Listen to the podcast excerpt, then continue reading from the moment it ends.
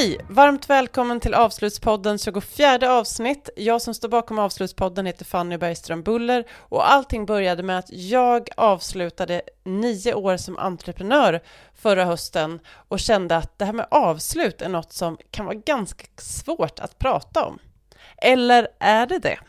Den här gången träffar jag Kristina Taylor som är psykolog och ordförande för Psykologförbundet bland annat. Hon har jobbat väldigt mycket inom skolvärlden, mött barn och unga.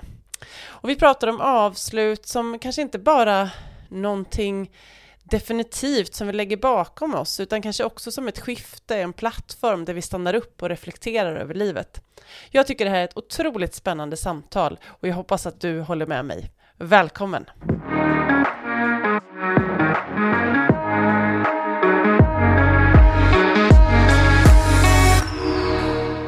Hej Kristina Taylor, psykolog. Eh, välkommen till Avslutspodden.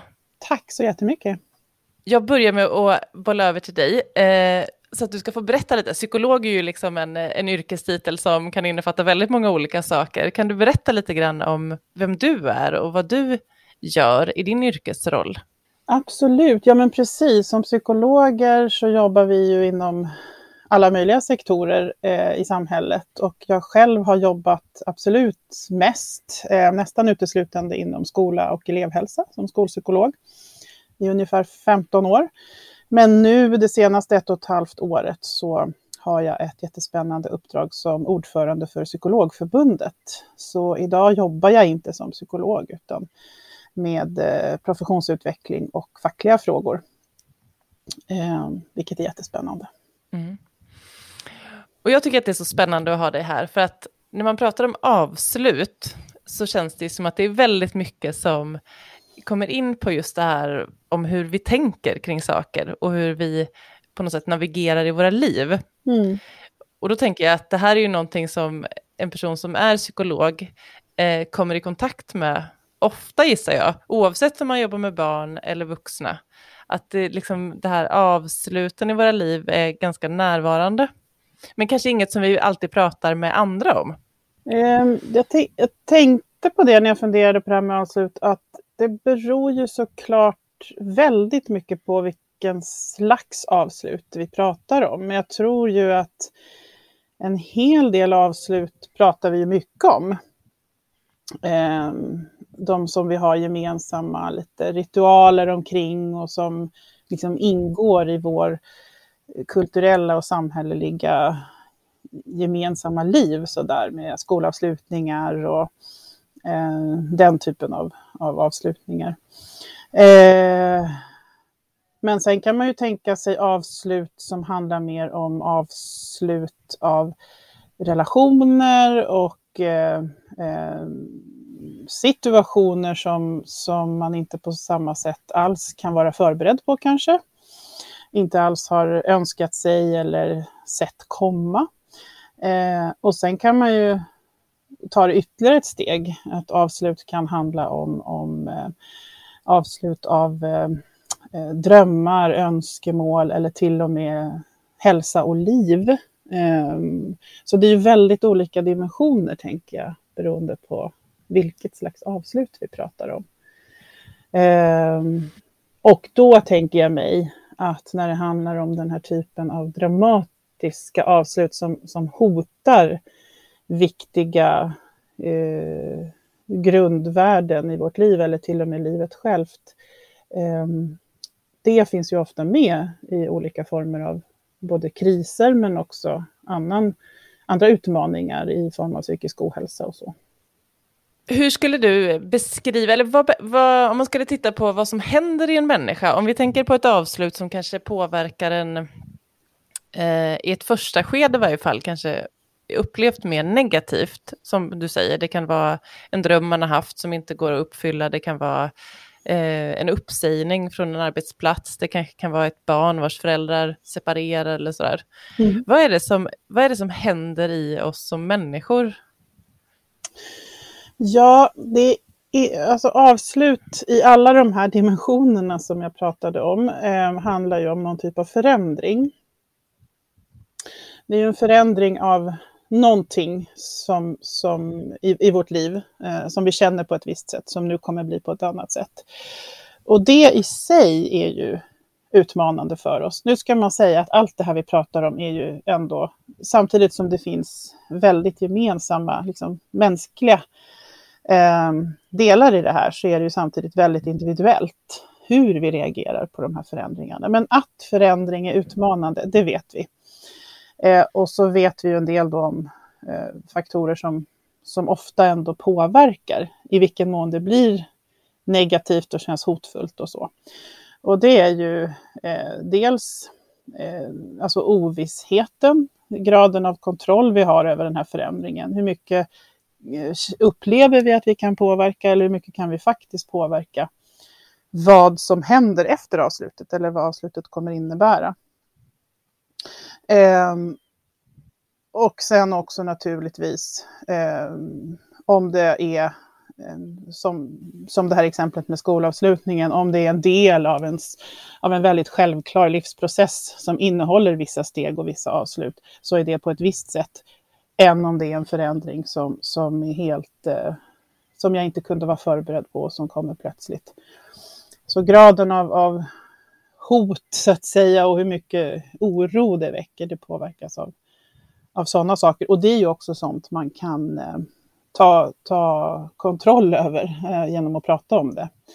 Man, även, även sådana förändringar och avslut som är helt eh, eh, som vi är helt oförberedda på Ehm, och som sker väldigt plötsligt och kanske också dramatiskt kan vi ju ändå placera in sen i vår livsberättelse och få den att bli mer trygg och, och höra till eh, vår fortsatta resa. Liksom. Hur väl förberedda, om du skulle få titta på det här, och så här, hur väl förberedda är vi människor för att hantera avslut i våra liv? Om vi tittar på Sverige idag och kanske lite grann utifrån hur de generationerna som växer upp nu. Mm. Det är ju svårt att generalisera, tänker jag. Ehm, eh, men det är klart att eh, det här med eh, hur samhället utvecklas, hur vår kulturella, religiösa, politiska eh, gemensamma tillvaro ser ut eh, påverkar ju hur mycket vi ehm, eh, till exempel tar till oss av eh, kulturella uttryck för avslut. Läser vi mycket om det eller är vi, hur mycket exponeras vi för det? Och det tror jag ser väldigt olika ut för olika människor och olika grupper av människor. Ehm, men även där tänker jag att vi kanske är, är, väldigt väl så att säga rustade för en viss typ av avslut och har mycket kunskap om eh, vikten av det medan vi inte alls har det när det gäller andra typer av avslut. Och sen igen då de här avsluten som är individuella eh, i form av Eh, separationer och hur vi hanterar den typen av utmaningar. Eh, det är ju... Eh, jag tror att det skiljer sig väldigt mycket åt hur rustade vi är för det. Sen vet jag inte riktigt om någon om det går att veta det. Det blir mycket spekulationer omkring eh, vad är gemensamt för oss, vad är mänskligt och vad, vad är mer individuellt. Men tänker du på någon särskild typ av avslut som vi kanske inte är så rustade för. Nej, men jag, jag har nog liksom under den här poddens gång funderat en del kring, eh, kring avsluten eh, så här, på, en, på en lite mer så här, eh, generell nivå. Mm. Och sen är det ju precis som du säger, vissa avslut, om jag säger att jag vill, eller som jag, anledningen till att jag startade podden var för att jag skulle lägga ner ett företag som jag hade drivit länge. Eh, det var ju väldigt med, en väldigt medveten handling. Mm. Eh, där jag ju själv styrde den här processen. Sen kommer man ju in i processen att vad ska jag göra sen? Och det visste jag ju inte. Det var inte sådär. Så det, det fanns ju såklart osäkerhet och eh, väldigt mycket huvudbry och eh, stundtals kanske ångest över vad, som, vad jag egentligen höll på med. Mm. Eh, men där äger man ju liksom ändå stafettpinnen lite själv. Till skillnad om man kanske blir uppsagd från ett jobb eller, eh, eller som här, en nära person som går bort mm. eller någon man känner som separerar eller vad det nu kan vara. När det är mer sådär. Men jag tänker att i historiskt så känns det ju som att jag vet inte om vi var mer rustade, men jag, i mitt huvud så hittar jag på nu att mm. kan det vara så att vi kanske var mer luttrade i varje fall? Att det liksom mm. var mer närvarande. Ibland känns det lite som vi gärna vill skydda oss från mm. ganska mycket av de här svåra sakerna. Jo, det finns ju en sån diskussion som pågår eh, där det är väldigt svårt att veta vad som är vad, men det, det finns ju en sån eh, Eh, tanke såklart att eh, i de här försöken att optimera våra liv och optimera för våra barn och vi lever i ett valsamhälle där man liksom ska välja det som är bäst.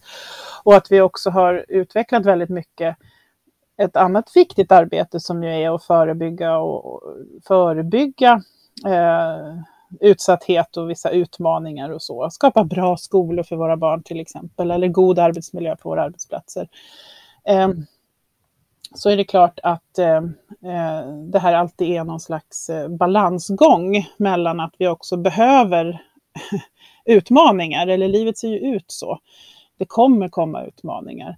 Eh, och, och, då är ju frågan hur mycket vi så att säga eh, tjänar på att bygga bort dem så mycket som möjligt när vi sen ändå måste möta dem.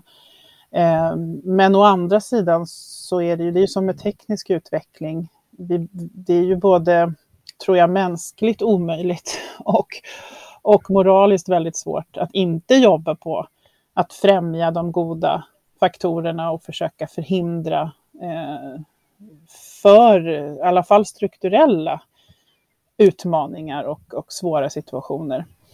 Men jag vet när jag jobbade i skolan så pratade vi mycket om det här att, att eh, det, det, finns, det, vi som jobbade i skolan såg ju att eh, barnen, om de fick vuxenhjälp när de behövde att klara sig igenom väldigt tuffa situationer, for ju absolut inte illa av det, utan blev ju just rustade, lärde sig saker om andra människor, andra sätt att fungera, hur kan man göra när någon äh, agerar på ett sätt som känns obehagligt för mig eller okänt. Det handlar ju inte om avslut, men det handlar om, om äh, att äh, ja, Eh, vara med om, om olika slags skeenden och utmaningar. Det kan man ju generellt säga är, är bra. Det som är skadligt är ju om man lämnas ensam med det och utsätts för för höga krav ställt mot den förmåga eller hur pass utsatt man är. Men finns det stöd runt omkring att komma igenom det så, så menar ju jag att det är absolut jätteviktigt. Och där finns det en utmaning för våra eh, samhällsinstitutioner som till exempel skolan, att inte göra det för eh, eh, eh ja, men inte bli för rädda för det, för det tillhör livet. Jag uppfattar eh, ofta när jag pratar om avslut att det finns ju en väldigt närvarande känsla av skam. Mm. Eh, inte i alla sammanhang, men, men, det, men det känns som det kan bubbla upp. Och jag tänker även liksom ditt eh, exempel med skolavslutningen. Om det skulle vara så till exempel att jag eh, att det finns kanske en förväntan på att man ska tycka att det är något fint och bra och så mm. börjar sommarlovet. Och så kanske man inte vill mm. att skolan ska ta slut. Mm. Eh, eller att man, eh, eller som jag upplevde när jag la ner liksom mitt företag, att jag kände att det var svårt att prata om det, för att jag möttes med väldigt mycket så förvåning, eller mm. det var svårt för folk att förstå. Eh, vad, vad, vad, kommer, vad kommer det ifrån? Är det liksom vi som skapar det i samhället?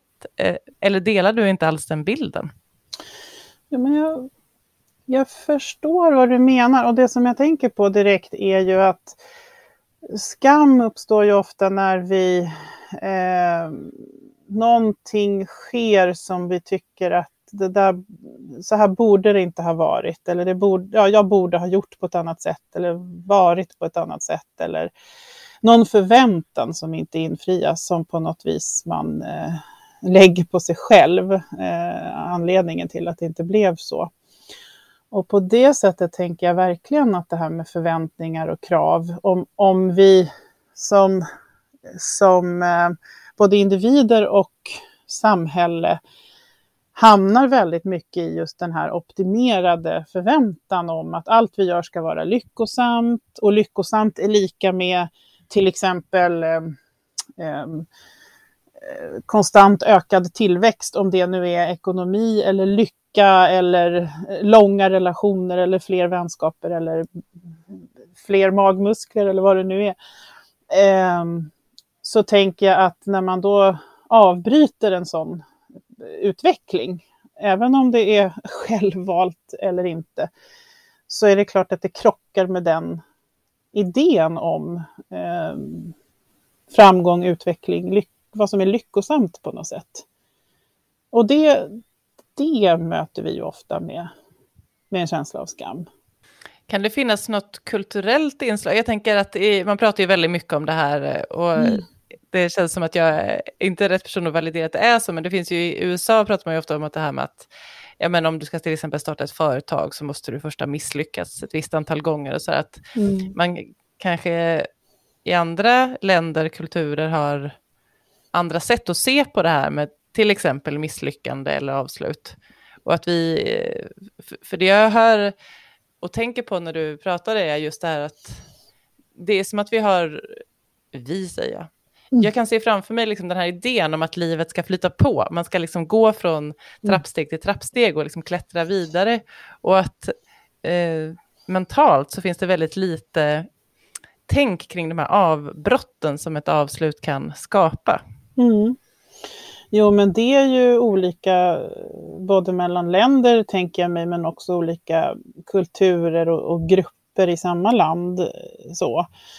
Eh, att vi eh, eh, har olika förväntningar på de här sakerna. Men eh, om man ska generalisera lite då, så kan jag ju ändå tycka att vår kultur och samhällspolitiska utveckling i Sverige har ju varit väldigt mycket, och i stora delar av väst, eh, handlar ju om det här med, med eh, en ganska eh, endimensionell typ av utveckling med ekonomisk tillväxt och eh, att vi liksom bygger mest åt ett håll så att säga och inte funderar lika mycket över de här andra delarna. Så eh, stora kulturella skillnader. Men jag tror också då om man tänker på olika organisationer och sammanhang att man kan eh, påverka de kulturerna genom att jobba aktivt med det. Precis som vi kan göra i individuella behandlingar eller eh, relationer. Att faktiskt genom att benämna och lyfta och Eh, eh, problematisera lite omkring förväntningar och krav så kan man ju förändra eh, hur, hur, hur det blir då, vad, vad det är vi egentligen siktar mot, vad vi tycker är värdefullt genom att jobba med gemensamma värderingar och för sig själv, sina egna värderingar. Eh, vad är min värderade riktning? Eh, och då kan man ju inkludera, mer aktivt inkludera avslut och eh, kanske också, tänker jag, eh, pauser. Liksom. Att stanna upp. Eh, det kanske inte alltid handlar om direkta avslut, men eh, avslut på det sättet att eh, vi behöver liksom platåer där vi stannar upp och funderar just på, är det den här riktningen jag ska fortsätta i? Eller är det ett avslut och ett, ett annat vägval? Eh, det tror jag ju och ge oss den, eh, ha den förväntan och ge oss själva den, det lugnet att eh, man kan inte veta från början hur det ska se ut tio år bort eller eh, varken i en relation eller i sitt eget liv eller i ja, sitt arbete eller vad det nu är. Och det är ju intressant, för det kan jag ha mött själv, eh, när jag var, framförallt när jag var yngre och kanske sådär när man slutade gymnasiet och var inne på de tidiga 20, åren kring mm. 20, eh, att eh, frågan lite så här, vart vill du, mm. vad vill du om fem år, eller så här, vad är din femårsplan? Mm. Och i det så förutsätter man ju lite grann att man ska, just det här, mm. trampa på. Mm. Eh, och jag gillar verkligen den här beskrivningen av platån som du, för att det känns ju som att hur ska man kunna veta det? Vem kan veta det?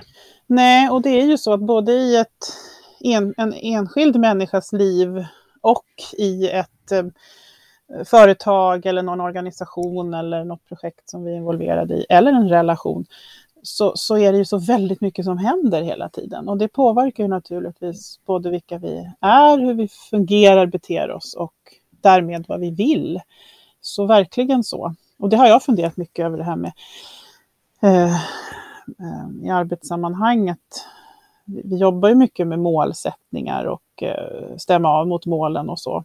Och jag vet nu när jag leder en förbundsstyrelse och det är första gången som jag gör det, eller sitter i en styrelse på den här nivån och eh, jag vet att vi, vi, pratar mycket om det här. Eh, det finns ju ett jättestort stor önskan och också skyldighet gentemot, vår, gentemot våra medlemmar att, att leverera, uppvisa måluppfyllelse. Men jag försöker hela tiden också påtala att samtidigt så är det lika viktigt det som pågår under tiden. Alltså själva samtalet vi har, själva processerna som pågår är också viktiga. För att om vi bara har fokus på att leverera, då kommer vi kunna missa någonting viktigt som sker, som påverkar eh, ja, vår riktning eh, och vart vi ska vara på väg. Så det är någonting med... Och det där blir ju också någonting av att hitta en balans mellan att vara här och nu i det som verkligen sker nu och kunna ta in det och att eh, jobba framåt, liksom, eller vara fokuserad framåt. Um, och avslut blir ju väldigt mycket här och nu. Och det vet vi ju att det, alltså det, det vet vi är en utmaning för många. Det är ju därför som eh, många sådana här mindfulness-tekniker och så har, har, har, varit väldigt verksamma för många. För att eh, det hjälper oss att hitta ett lugn och att vara i nuet och därmed mer uppmärksamma kanske på vad sker runt mig, vad sker i mig. Eh, vad, vad vill jag? Det, minsk, det minskar väldigt många eh, belastande saker som stress och så. Jag tänker att det du pratar om handlar väldigt mycket om eh, det som man ju så otroligt eh, gärna vill prata om i många organisationer, det här med att liksom arbeta agilt. Mm. Eh, men att många har så svårt, så svårt med just det. Mm. Man vill gärna, men och, och, då tänker jag att det har ju väldigt mycket med det här liksom förhållningssättet att göra. Mm. Hur kan vi liksom följa processen och göra det utan att kanske tänka så här i femårsplanen mm. hela tiden. Mm. Utan också vara i den där, och så är ju lite hela livet. Ja. Det här liksom, vi måste förändra och justera lite allt eftersom livet lever. Verkligen. Men i organisationer eller relationer, allting som är, handlar om fler än en person, så handlar det ofta, tror jag, om att eh, verkligen prata om ofta och tydliggöra så att vi får, i den mån det går, gemensamma förväntningar, gemensam förståelse för uppdraget eh, och hur vi ska göra det uppdraget. Eh, för det är ju oftast, alltså det är ju verkligen ofta att vi inte har det. Och att vi, vi tror att vi har det, men att vi inte har det. Och det gäller ju verkligen både i, i relationer och organisationer. Går det att rusta barn för det här bättre? Du pratar om skolans roll med att lyfta frågor, men jag tänker i familjekonstellationer och sådär. Hur, hur, hur kan man tänka då? Alltså jag tror med barn att det viktiga är att vi i, på, på ett sätt inte gör uh, saker så stora. Alltså det finns ingenting som vi inte kan prata med barnen om. Och vi ska prata om det eh, i den mån det är relevant. Sen kan man ju behöva anpassa eh, mängden information eller kanske graden av abstraktion i det man pratar om efter barnens ålder och så. Men det finns liksom ingenting vi ska dölja för barnen och det har man ju sett i många eh, studier och när, när barn som sen berättar själva om vad det än handlar om. Eh, eh sjukdom, död, att det har funnits övergrepp, att förälder hamnar i fängelse. Eller mindre dramatiska saker än så, men just att eh, det blir väldigt problematiskt om vi inte talar sanning, att barnen inte får veta. Och när det gäller avslut då, som vi har varit inne på, så är det ju såklart, det handlar om väldigt olika situationer i ett liv. Men att ingenting av det eh, är farligt att prata om. Så att att inte göra det till stora saker bara för att det är barn. Vi ska inte dölja saker för dem. Eh, å andra sidan så upplever jag ofta att vi som föräldrar kan göra ett annat typ av misstag och det är att, eh, att vi överför våra egna känslor och oro på barnen. Eh, så att vi kanske tycker någonting är superladdat och vill förbereda dem och prata igenom saker jättemycket och de tittar på en med stora ögon för att det är liksom inte alls samma grej för dem. Jag tänkte på när vi hade, våra två äldsta barn hade samma lärare i mellanstadiet, en fantastisk mentor och lärare som de, och de, de, det är tre år mellan dem, så de tog vid liksom. Hon tog vid direkt med den nästa. Så vi hade henne i sju år blev det till slut. Eh, och när vi skulle lämna henne, när det andra barnet eh, gick ut sexan då, jag menar, då, jag och min man, jag grät så mycket så att du vet, det, det, var så oerhört laddat för mig och jag hade varit så eh, laddad för hur ska det här bli för mellanbarnet då. Men och hon var ju ledsen, liksom, det kom några tårar, men det var ju på ett helt annat sätt för henne. Hon hade haft den här läraren i tre år, hon hade älskat henne, men nu var mellanstadiet slut och det fanns ju inte alls samma laddning i det avslutet som det gjorde för mig. Eh, så där behöver vi också vara vaksamma på att vi inte överför. Och det här mötte jag ofta i skolan föräldrar var oroliga om de skulle skilja sig eller att liksom försöka eh, coola ner det där och, och lägga sina egna känslor lite åt sidan och vara, dela fakta och sen lyssna in. Hur landade det här hos det här barnet? För en del kan en sån händelse vara jättestort och de behöver prata mycket om det och andra inte. Det är jätteintressant. Eh, jag tänker att det är också, jag kan själv jag menar, själv har jag en väldigt här, tydlig bild av till exempel att begravningar är väldigt viktigt och att eh, därför har jag alltid velat ta med mina barn, framförallt min eh, äldsta son som är sju, på begravning mm. när det händer. Mm. För att liksom, och, och, och där jag nog har liksom sett det väldigt rituellt också, att det är viktigt att du är mm. här. Han har ju knappt kunnat sitta still. Mm. Och ibland har jag också frågat mig, så här, var, var det viktigt för honom mm. att vara här? Mm. Eller var det jag som tyckte att det var viktigt och försökte liksom överföra en idé? Det, det, är svårt ibland. Det som är bra att tänka på är väl just anledningen, om man vill undvika något för att man själv tycker att det är väldigt obehagligt att tänka sig att introducera barnet i det eller prata med barnet om det, då kan det ju vara bra att ta det ett varv till och kanske prata med någon annan och så. För att undvikande är sällan ett bra skäl. Men, men eh, just det där att, att eh, också fundera över att eh, bara för att jag känner så här så betyder det inte att det är så för barnet. Det, det, det är viktigt och det kan vara bra att att prata om det då med någon annan, för man fastnar ju själv i, sitt eget, i sina egna tankar och känslor kan det ju lätt bara snurra runt i samma banor. Man kan behöva hjälp att bryta av det där och få lite andra perspektiv. Om man fastnar i ett avslut, det tänker jag också kan vara eh, hända, eller mm. fastnar, man kanske liksom ramlar platt och så mm. ligger man där och känner att det, där tog livet slut. Mm. Vad, finns det, vad, ska, vad ska man göra? Hur, ta, hur tar man sig vidare? Ja, beroende på vad det handlar om och eh, i, på vilket sätt eller i vilken grad det påverkar ens, ens eh, mående och eh, möjlighet att fungera i tillvaron, eh, så tänker jag att det, det, som är viktigt är ju att man, att man öppnar upp och släpper in någon annan. Och sen kan det ju i vissa, för vissa handla om att prata med vänner eh, och för andra att eh, söka professionell hjälp att få prata igenom det och för andra kanske det är att få lite mer en ordentlig behandling för att man kanske det kan ju handla om att det väcker andra saker eller att det, att det ligger någonting annat bakom, att det väcker en depression eller så. Men det viktiga gemensamma är ju att inte bära det själv, för det är väldigt svårt allting som handlar om att vi fastnar i något, om det är en känsla eller ett tankemönster eller ett visst beteende eller ett undvikande.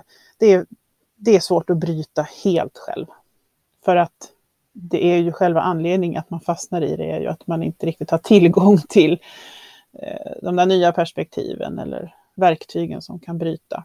Och ofta, i de allra flesta fall, så, så behöver det inte vara så dramatiskt men just att någon annan hör, bara det vet vi ju är effektivt eh, terapeutiskt att dela. Att eh, sätta ord på det man känner och tänker. Eh, har, spelar väldigt stor, gör väldigt stor skillnad från att bära det själv. Vi vet också att tankar som vi, negativa tankar som vi bär själva, de har en tendens att eh, växa och bli ännu mer negativa. Eh, så, så att dela, öppna upp och prata om det. Och där kommer du in, tänker jag, det här som du sa med skammen. Eh, för det, kan, det, finns ju ofta i det här att man på något vis tror att, att det är bara jag eller det är ingen annan som orkar lyssna eller att det finns någon typ av skam i det. Men som mottagare, som lyssnare, som vänner eller som eh, professionella eh, också, Eh, på den andra sidan av det här så att säga, så tänker vi ju aldrig så. Det, det finns ju extremt få eh, tankar som vi som mottagare skulle känna, det där kan inte jag lyssna på, eller hur knäpp är du som tänker så? Vi tänker ju inte så. Men själv kan man ju vara väldigt eh, hård på det sättet, dömande, att jag borde kunna liksom, kasta bort det här eller bryta det här eller sluta älta eller så. Men det är svårt, man behöver ofta hjälp. Ja, och det jag tänker också att det kan vara bra att öva när man inte är i, mm. i liksom krisläget, mm. eh, säger jag för att jag också själv, jag kan tycka att det är svårt ibland när saker blir så här, jättestora, att liksom då börja prata om det, det kan vara svårt att veta var man ens ska börja, men mm. att det också kan eh, underlättas genom att man liksom ventilerar saker väldigt frekvent, även när man mår bra. Mm. Att liksom prata om det mm. som kanske kan kännas lite skammigt eller... Mm. Ja, men det är ett bra sätt att minimera skam. Det är ju att, att redan från början inte göra trösklarna så höga. Eh, verkligen. Så, och, och, så är det ju med allting och det är därför det är så viktigt också, tänker jag på det här med, din fråga om hur vi röstar barnen. Alltså att vi, just det här att inte undvika svårigheter och undvika konflikter och undvika jobbiga situationer. Även inne i oss själva, inte undvika de jobbiga känslorna. För att undvikande, eh, det leder ju till eh, att någonting blir farligt. Oftast farligare än vad det verkligen är om vi får en möjlighet att ta oss an det med goda verktyg, med liksom en, en, en välrustad både inre och yttre tillvaro. Ehm, och vi vet också att när någonting blir så farligt att vi verkligen undviker det och det kanske utvecklas till ett mer hämmande beteende, att vi ehm, ja, med, med tvångs, eh, lite tvång och sådär, eh, då ehm, vet vi att det som är effektivt är just exponering. Vi måste utsätta oss för det som är jobbigt för att det ska bli mindre jobbigt. Så är, där är, det ju verkligen så att det är bra att förebygga genom att ha känt alla känslor tidigt och eh, blivit bemött med att de är okej. Okay. Det är inte farligt att bli arg, ledsen, irriterad. Eh, och det, det tror jag vore bra att vi hjälpte både föräldrar och, och skola och så med att, att orka med det uppdraget. För det tror jag är väldigt värdefullt senare i livet. Och då tänker jag på en, en sista fråga till dig. Eh, jag hade ett samtal med eh, Asgeir Persson som jobbar för föreningen Män och möter eh, både pojkar, unga killar och män i samtal. Mm. Där, vi, där vi pratade just om det här att män ju traditionellt har fostrats mycket mindre i att prata om vad man känner. Och då tänker jag ju såklart att då blir tröskeln ännu högre i den här typen av sammanhang. Är det något, liksom, om du tittar på så här, jag, för jag, jag har själv en, en liten en son på sju år och han är ju för liten för att se, men jag, jag, ibland så kan jag uppleva att han kanske trycker tillbaka liksom, saker som jag kan se mm. pyser i honom. Just det. Eh, det finns såklart eh, den typen av genusstrukturer, men det finns också andra strukturer som, som för individ, vissa individer kan vara lika eh, styrande tror jag. Så att det gäller ju att ha koll, man får ha det där rastret liksom, eh, flera olika raster igång samtidigt så att vi inte på olika sätt... Eh, jag tänker till exempel på eh, människor med olika funktionsvariationer, eh, vad vi förväntar oss av varandra när det gäller det, eller olika kulturer av olika slag där vi liksom premierar vissa typer av eh, känslouttryck och beteenden och, eh, och så. Eh, vi har ju till exempel en väldigt neurotypisk eh, samhälle fortfarande, trots att, eh, att vi har så, eh, så många människor med olika funktionsvariationer idag. Men, men när det gäller just det här hur vi uttrycker känslor och eh, eh, eh, tankar och behov så har vi ju fortfarande ett ganska snävt, liksom, snäv ram för vad vi tycker är okej okay beteenden och att fundera över det. Liksom. Um, så genus absolut, men också en, en mängd andra strukturer som, som lätt blir osynliga om vi inte jobbar aktivt med dem. Så viktigt att, att, att tänka kring det här känner jag. Hjärnan går igång och så, så vill man liksom, känner jag att jag vill reflektera lite grann hur jag mm. själv agerar. Mm. Mm. Eh, jag brukar alltid avsluta med att ställa frågan till eh, den som jag samtalar med om vad du ska avsluta under året som kommer. Lite som en så här, jag, jag känner att jag vill eh, uppmuntra avsluten också som ett sätt att, liksom, ja. att kanske lägga vissa saker bakom sig och gå vidare. Mm. Alltså det enda som dyker upp, för just nästa år så tror jag att det är en sån här mellanperiod där jag vet väldigt lite både i mitt privatliv och jobb som ska sluta, utan det är mycket liksom mitt i processer. Men det som dyker upp är ju att mitt, mitt äldsta barn tar studenten. Och det känns som ett avslut också för mig att, eh, att eh, jag menar, han har ju fyllt 18 och så och han bor kvar hemma, men jag tror att studenten kommer innebära eh, ett mer tydligt avslut på det gemensamma liv vi har haft. Eh, det tror jag tar slut när han går ut gymnasiet och det känns ju eh, som någonting som är, är värt att stanna upp vid även för oss föräldrar. Eh, och det är ett avslut som jag både ser fram emot, jag ser fram emot det och jag bävar lite inför det. Så det, det kommer nog vara nästa års av, stora avslut tror jag. Det blir en sån platå för er, där ni mm, får tid att precis, reflektera. Exakt, stanna upp. Vad kommer, hur ska vår relation se ut framåt? Hur kom, ja, vad kommer det här innebära? Eh, men också att eh, liksom glädjas och fira det som har varit, eh, så som vi har haft det. Eh, så det, ja, det blir nog min platå. Mm. Om man vill komma i kontakt med dig för att samtala mer eller sådär, mm. var, var kan man göra det någonstans? Det går bra både på Psykologförbundet, eh, psykologförbundet.se eh, eller via Messenger eller LinkedIn. Så att Kristina Taylor kan man söka på alla de där. Tack Kristina, det var jätteintressant att prata med dig. Eh, jättemånga tankar. Jag är glad att jag fick ha dig här. Tack för det säger jag. Tack Kristina Taylor och tack alla ni som lyssnar. Det är jättekul att ni hänger med mig på den här resan. Och kanske finns det något avsnitt som ni gillar lite extra mycket, någon person som ni skulle vilja lyssna till eller något perspektiv ni saknar. Ni får hemskt gärna tipsa på Avslutspoddens Facebook-sida eller Instagram-profil.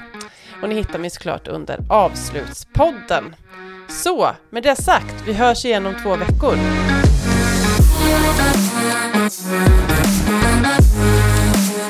Thank